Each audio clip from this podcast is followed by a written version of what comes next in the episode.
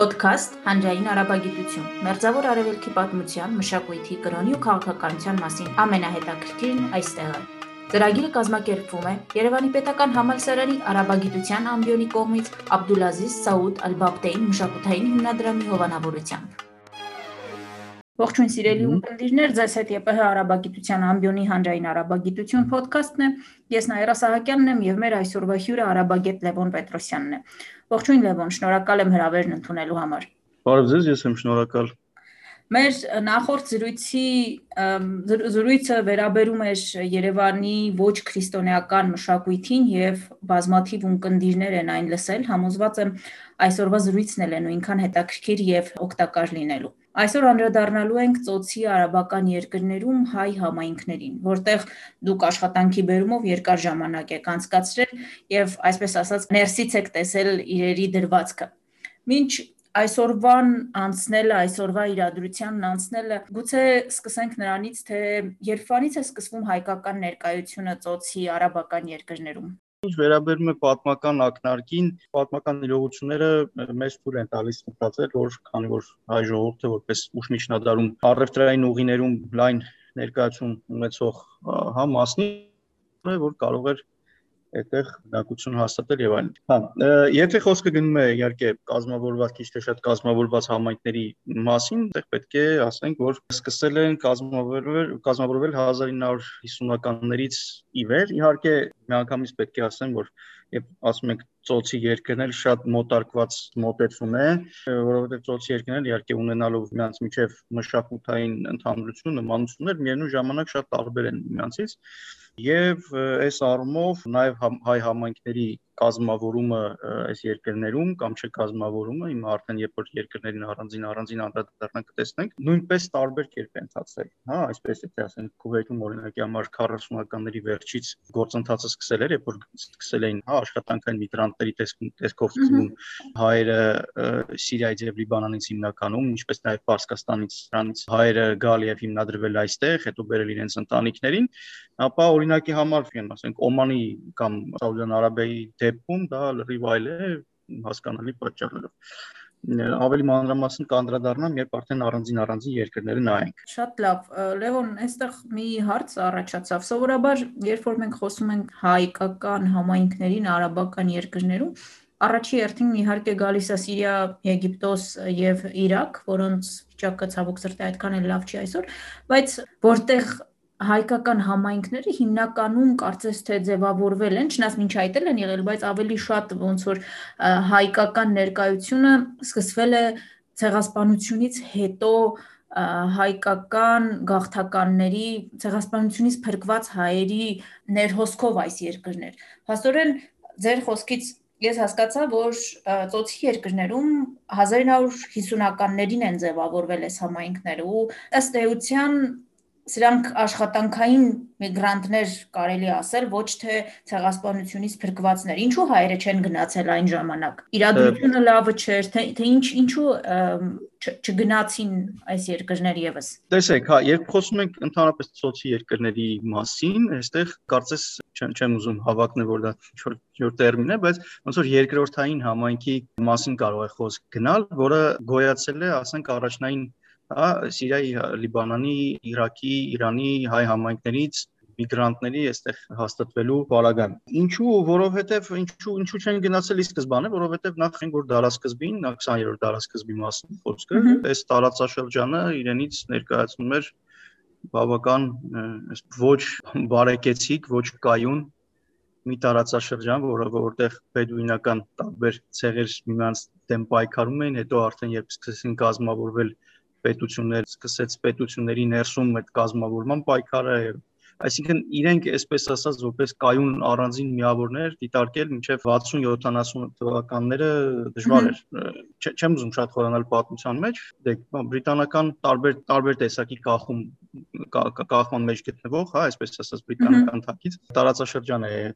տարածաշրջաններ են եղել կամ տարածքներ են եղել, որոնք տարբեր ժամանակներ, սկսած 20-րդ դարի երկրորդ կեսից սկսել են անկախություն ստանալ մեկը մյուսի հետևից, հա,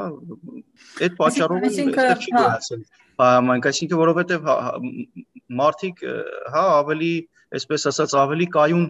միտեղ հաստատվելու միտում ունեն, որտեղ կարելի է ինչ որ գտնել ինչ որ ծածկ գլխի վրա եւ կտոր հաց։ Հա, իսկ այստեղ անկայուն վիճակ էր 20-ական թվականներին, ասենք, ինխուանների արշավանքներն էին եւ այլն եւ այլն, այսինքն հիմա չեմ ուզում պատմականությունները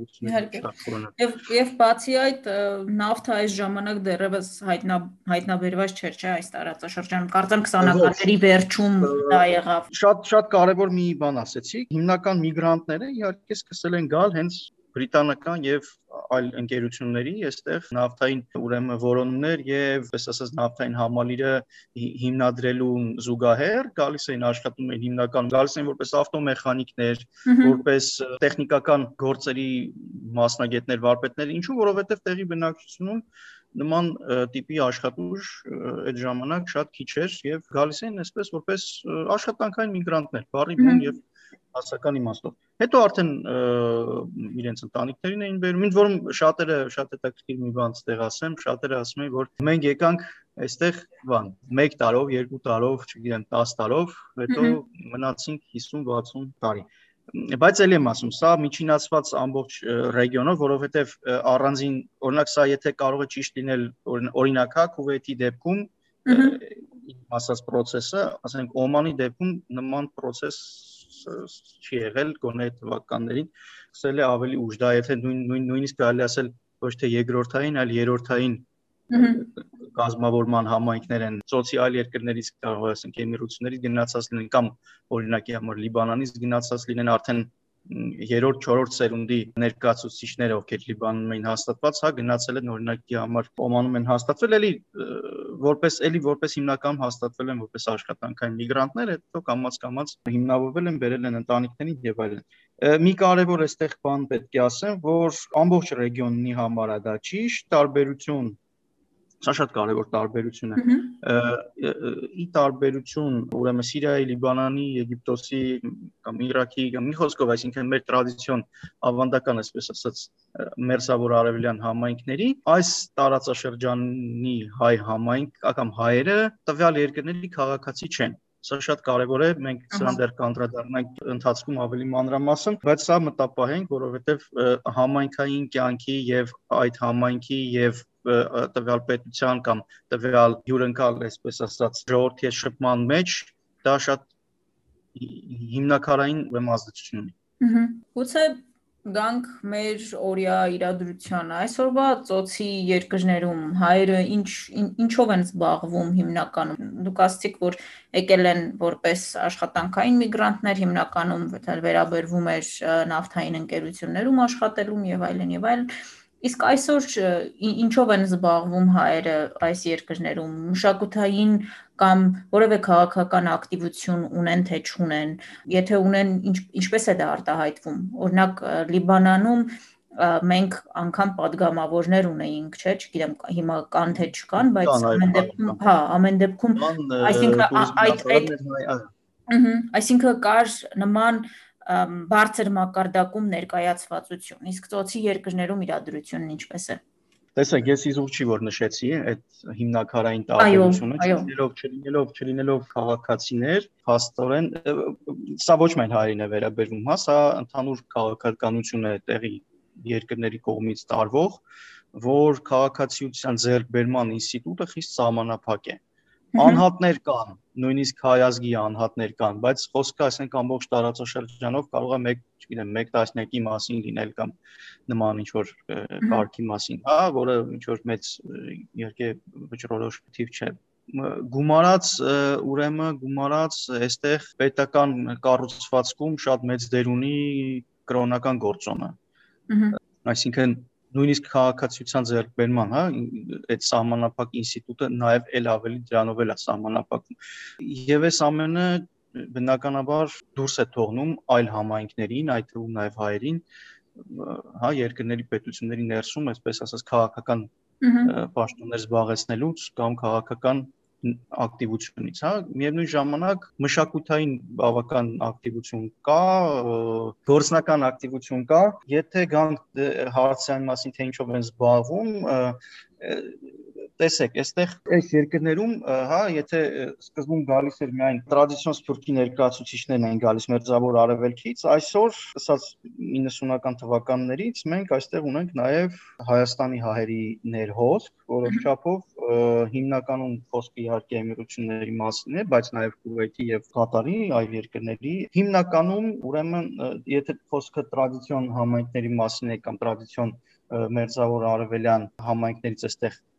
այս այս այս այս ռեգիոնում ներկա հայերի մասները մեծ մասամբ զբաղվում են հենց ավանդական իրենց գործերով, այսինքն ինչն է իրենց ավանդական գործունեությունը, հա, բան ոսկերչություն, ադամանդգործություն, ավտոմեխանիկներ կան, իհարկե մենեջմենտի ոլորտում բավական շատ հայեր կան։ Ինչ վերաբերում է ուրեմն Հայաստանի երբեմն երրորդ երրորդ ալիք են, հա, անվանում երրորդ ալիքի արտագաղթելը կամ այս ռեգիոնի տեսակետից ներգաղթյալներ, այստեղ շատ տարբեր է հիմնականում մասնագիտական ոլորտներում են աշխատում, օթաչուներ կան, բժիշկներ կան, նորից մենեջմենտի ոլորտում աշխատողներ կան, գործարարներ կան, շատ տարբեր է։ Իսկ հայերը գալիս են այդտեղ սովորելու։ Խոսքը արաբագետների մասին չի, այլ այլ մասնագիտություններ։ Կան նման բան։ Բացառությամբ, բացառությամբ փոքր բացառությամբ էմիրությունների ոչ հա, որովհետև սա կապված է նաև թե տեղի բուհերը ինչ են առաջարկում եւ ինչ թեև բոլոր երկրներում էլ գրեթե ու կամ ասենք հիմնական երկրներում այս ռեգիոնի կամ բավական լավ որակի արևմտյան տիպի ուսում առաջարկող բուհեր, ում ամերիկյան, կանադական, եվրոպական բուհերի դուստեր բուհեր կամ բուհեր բայց որպես ուսման ուղղություն հայ ուսանողների համար դեռ ամենայն դեպս սիրված ուղղությունների մեջ դժվարանում են սա համարել ինչ վերաբերում է արաբագետներին այո կան ծրագրեր գալիս են սովորում են այս ռեգիոնում ուրեմն ծրագիր հիմնական ծրագիր կա Կուվեյթի հետ եւ ծրագրեր կան էմիրությունների հետ որոնք մեր ունկնդիրներին տեղակ պահելու համար նշեմ, որ կազմակերպվում են հիմնականում արևելագ ԵՊՀ արևելագիտության ֆակուլտետի արաբագիտության բաժնի ուսանողների համար, սովորաբար երրորդ 4-րդ կուրսում, երբեմն նաև մագիստրատուրայում ուսանողների մի մասը գնում են արաբական երկրներ 1 տարի կամ ինչ որ ժամանակ այնտեղ սովորելու եւ լեզուն, հատկապես լեզուն եւ ինչու՞ չէ նաև մշակույթը տվյալ ազգին, ժողովրդին ավելի լավ ճանաչելու հնարավորություն են ունենում այս ուսանողները, որոնք որն էլ իրենց նպաստում է նրանց առավել լավ մասնագետ դառնալու։ Սա այսպես զուտ ծրագրի հետ կապված նշեցի։ Մի այսպես ասած սփին-օֆ հարցել մտքիս եկավ։ Իսկ կան ամուսնություններ այդտեղի հայ տղաների եւ աղջիկների ու տեղի մյուս ժողովուրդների խառնամուսնությունների մասին դե տեսեք խառնամուսնությունները ընդհանրապես մեր ավանդական սփյուռքում գիտեք որ շատ տարածված երևույթ չեն Եվ սա հասկանալի պատճառներ ունի, հա, այսպես բան պրոտեկցիոնիստական մոտեցում է, որը իրենց իրենց, ես ասեմ, տեսակ տեսակետից լրիվ հասկանալի եւ տրամաբանված է։ Կան, այո, բայց մեծ տոկոս չեն կազմում։ Իդեպ ասեմ, որ հաճախ իմ պրակտիկայում պատահում են ավելի հաճախ իմ պրակտիկայում բառնամուսնությունների պարագայում պատահում են չեմ սիրում այդ բառը, բայց պայմանական օգտագործեմ հայաստանցի եւ տեղացի կամ մեկ այլ համայնքի ներկայացուցիչ նկատի ունեմ ռեգիոնում մշտական բնակություն ունեցող, որ որովհետեւ ինչպես նշեցի ոչ միայն հայերն են, որ քաղաքացիության ինստիտուտից քաղաքացիության ձեր ձեր ձերբերման ինստիտուտից չեն օգնում, այլ մնացած նույնիսկ ասենք հա հարևան երկրների արաբները նույնիսկ չեն օգտվում բայց այսպես պայմանականորեն իմ պրակտիկայում հիմնական ու հիմնականում չասեմ բայց շատ ավելի հաճախ եմ հանդիպել տեղացի կամ մեկ այլ համայնքի ներկայացուցիչի մեջ միջև խառնամուսնություն քան տրադիցիոն համայնքներից այսինքն մերձավոր արևելքի համայնքներից սերված եւ տեղացի մեկ այլ համայնքի կամ հենց տեղացիների հետ միջև խառնամուսնություններ։ Եվ Լևոն, գուցե վերջին հարցը կամ ավելի ճիշտ հարցերի խումբն է դառնում, այդքան էլ հարց չի, բայց Սիրիայի, Իրաքի հայ համայնքները մերձավոր արևելքում տիրող այս վիճակի պատճառով շատ տուժեցին։ Իրաքի դեպքում Սադամ Հուսեյնից սկսած, ոչ այդ ոչ այդ էլ Լիբանանում էլ քաղաքացիական պատերազմների եւ այլնի արդյունքում, իսկ Սիրիայում վերջերս վեր, վերջին տասնամյակում գուցե այսպես ասեմ, տիրող իրադրության, պատերազմների, միջամտությունների արդյունքում հայ համայնքները շատ-շատ տուժեցին։ Մերձավոր արևելյան ճգնաժամը ինչ որ կերպ ոնց ազդեց ծոցի հայ համայնքների վրա։ Տեսեք, մինչև բուն հարցին գալ, պետք է ասեմ, որ ծոցի հայ համայնքները, ինչպես ամբողջ տարածամեծ տարածաշրջանի, այսինքն ամբողջ մեր մերձավոր արևելքի հայկական համայնքները բավականին ճգնաժամային երևույթներ են դրսևորում արդեն անկախ անկախ իսկ հա նշված նաժամներից արտահոսք կա